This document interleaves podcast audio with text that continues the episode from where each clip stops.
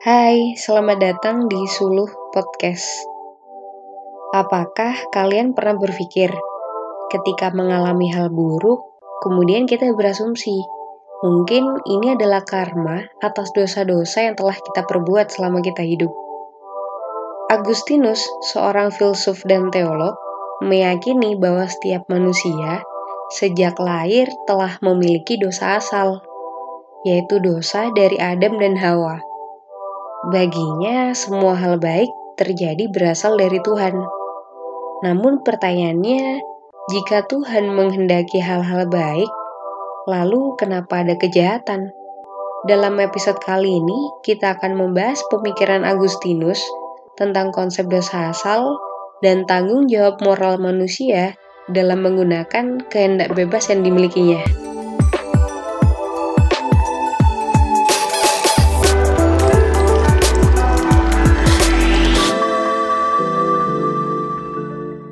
Agustinus dari Hippo, atau yang juga dikenal sebagai Santo Agustinus atau Saint Agustin, lahir di Tagaste pada tanggal 13 November 354 Masehi. Ibunya bernama Saint Monica, penganut agama Kristen, sedangkan ayahnya bernama Patricius, yang tidak menganut agama Kristen. Agustinus merupakan filsuf dari zaman patristik, yaitu zaman di mana teologi dan filsafat sedang berkembang. Ia terkenal dengan kata-kata bijaknya yang mungkin tidak asing di antara kalian, yaitu dunia adalah sebuah buku, dan bagi siapa yang tidak melakukan perjalanan, hanya membaca satu halaman saja. Karya Cicero telah mendorong Agustinus untuk belajar filsafat, Darinya, ia belajar tentang skeptisisme, akademik, dan stoikisme. Etika stoik yang ia pelajari mengajarkan orang bijak tidak bergantung pada semua barang keinginannya yang dapat hilang. Kemudian, implikasi kebajikan yang dapat menjamin kebahagiaan seseorang ditolak sebagai ilusi. Agustinus secara tegas tidak membenarkan bahwa pengetahuan dapat diturunkan melalui indrawi, karena objek bisa berubah dan menghasilkan opini yang berubah-ubah pula. Argumen ini dalam berbagai kesempatan mengarah pada pendakian kepada Tuhan, yang dipahami sebagai kebenaran dan kebijaksanaan yang tidak dapat diubah. Sebelumnya, Agustinus memiliki masa lalu yang kelam dan ia menyadari sangat susah untuk keluar dari hal tersebut. Dalam hidupnya, Agustinus berusaha mencari apa itu keimanan. Kemudian, ia berusaha mencari keutamaan moral, sebab ia kecewa ketika membaca kitab suci, tetapi ia bertemu tokoh agama yang perilakunya tidak mencerminkan apa yang ada dalam kitab suci. Jadi, baginya ya sama saja dengannya. Sebab tokoh agama itu juga banyak kekurangannya seperti dia. Kemudian Agustinus berpaling untuk mempelajari filsafat dualistik, yang membedakan bahwa hanya rohani yang bersifat baik, dan apa pun yang termasuk jasmani itu buruk atau jahat. Sehingga jalan yang ditempuh filsafat dualistik untuk menghindari hal yang buruk yaitu menjalankan askesis, menghindari kenikmatan yang ditimbulkan oleh jasmani. Kemudian, ia kembali kecewa dengan kedatangan uskup atau pemimpin gereja dari Manichaeis yang dirasa tidak menjawab pertanyaannya dengan memuaskan. Hal ini mendasari Agustinus untuk pergi ke Roma dan kemudian mengenal uskup yang bernama Ambrosius yang mengenalkan Agustinus kepada Neoplatonisme yang dianggap membawa pencerahan baginya. Agustinus bertanya-tanya, Sebenarnya asal-usul kejahatan itu dari mana? Jika manusia selalu ingin berbuat baik, tapi kenapa yang dilakukan adalah hal yang sebaliknya? Jika Tuhan itu maha baik, tetapi kenapa ada kejahatan? Lalu ia bertanya, apakah manusia itu punya kebebasan? Jika mereka percaya pada yang maha kuasa, bukankah yang maha kuasa ini sudah menentukan segalanya? Jadi, apa sebenarnya semuanya ini sudah ditentukan atau digariskan? Ajaran Neoplatonisme memiliki tujuan akhir untuk kembali pada Yang Maha Kuasa. Sebab dunia ini memiliki keterbatasan. Dan untuk kembali pada Yang Maha Kuasa, tentunya kita harus bertemu dengan kematian terlebih dahulu. Agustinus percaya bahwa segala sesuatu yang ada dalam diri manusia itu adalah hal yang baik, karena semuanya berasal dari ciptaan Tuhan. Dalam hal ini, Agustinus menolak ajaran filsafat dualistik bahwa apa pun dari jasmani adalah hal yang buruk. Jika ada yang berbuat jahat, ya itu karena kebebasan manusia, bukan dari Tuhan. Setiap manusia dalam dirinya memiliki dosa asal dari Adam dan Hawa.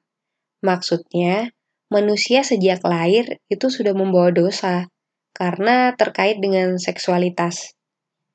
Agustinus percaya bahwa Tuhan mengetahui segalanya, tapi tidak memaksakan kebebasan manusia terlepas dari nasib dan peran Tuhan dalam kehidupan kita. Ketika kita menggunakan kebebasan, tentunya kita akan dihadapkan pada konsekuensi, yaitu antara surga atau hukuman kehidupan kita tidak luput dari intervensi Tuhan. Tanpanya, kebebasan manusia tidak akan menghasilkan apa pun. Karena sebaik apa pun perbuatan manusia, pasti akan ada maksud buruk. Sehingga tanpa Tuhan, maka hidup manusia akan hancur. Dalam hal ini, Agustinus terjebak dalam konsep predestinasi, bahwa apa pun sudah digariskan. Jika kita melihat di sekitar kita, tentu pasti ada orang yang baik. Tapi, bukankah menjadi sulit untuk menjelaskan kenapa banyak orang yang jahat daripada orang yang baik? Kehendak bebas manusia muncul sebagai kondisi yang memungkinkan terjadinya kebaikan moral. Namun, kebaikan yang dilakukan manusia bukanlah kebaikan absolut atau kebaikan yang hanya dimiliki oleh Tuhan, tetapi hanya sekadar kebaikan perantara sehingga dapat dengan mudah disalahgunakan dan menjadi sumber kejahatan moral. Kejahatan atau dosa dapat mengubah tatanan alam karena semua manusia pasti memiliki dosa. Maka perlu dimurnikan melalui iman agar dapat hidup dengan baik dan memulihkan kemampuan kita untuk mengenal dan mencintai Tuhan. Segala sesuatu yang ada adalah baik sejauh itu diciptakan oleh Tuhan.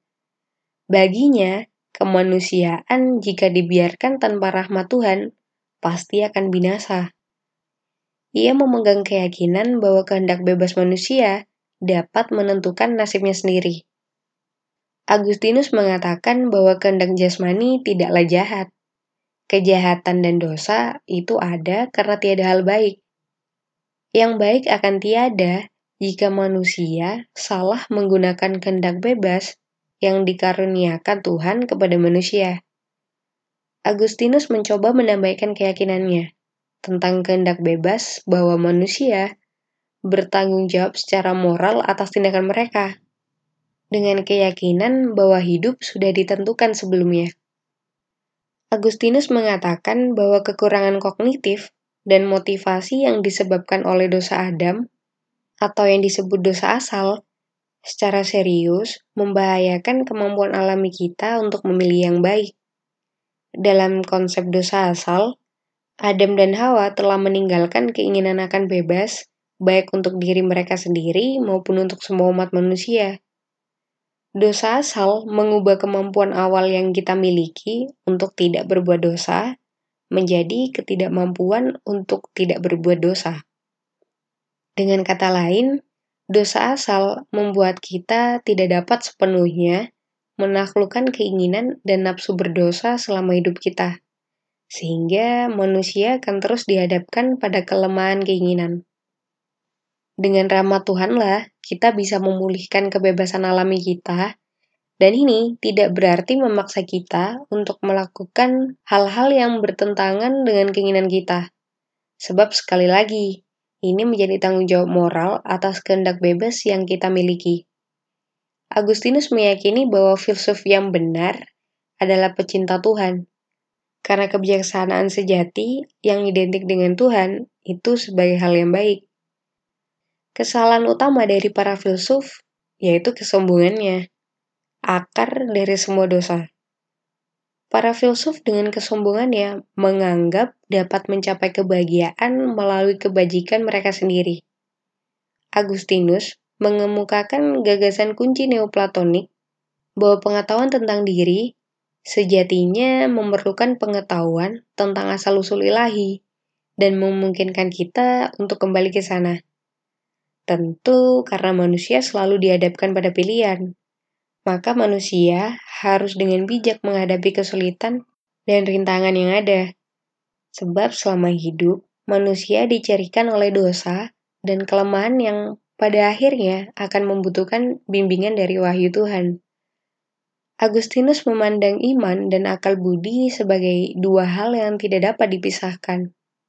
Menggunakan rasionalitas kita untuk mencari pemahaman tentang kebenaran dari otoritas wahyu. Meskipun pemahaman yang benar tentang Tuhan hanya mungkin kita lihat secara langsung setelah kehidupan ini. Agustinus berpikir bahwa manusia merupakan gabungan antara tubuh dan jiwa Jiwa yang rasional harus mengendalikan keinginan dan nafsu agar menjadi bijaksana. Agustinus menegaskan bahwa pikiran diciptakan menurut gambar Tuhan, sehingga memiliki potensi untuk menjadi bijaksana seperti mengingat, mengenal, dan mencintai Tuhannya. Ia mendefinisikan jiwa sebagai substansi rasional yang mengatur tubuh dan ia mengatakan bahwa menjadi hal yang wajar ketika jiwa dapat memerintah tubuh untuk mencapai kebahagiaan. Agustinus mendukung gagasan Platonis bahwa keabadian adalah kondisi kebahagiaan yang diperlukan. Namun, ia juga menegaskan bahwa hal itu bukan menjadi kondisi yang cukup. Kebahagiaan sejati hanya akan terwujud di akhirat sebagai anugerah rahmat Tuhan yaitu ketika jiwa dan tubuh manusia secara keseluruhan akan hidup selamanya. Perlu kita ingat bahwa Agustinus menolak untuk mengambil pendirian sampai akhir hidupnya. Mungkin karena tidak ada pilihan yang benar-benar sesuai dengan tujuannya. Sebelum bijak dalam bertindak, bijaklah dalam berpikir. Salam.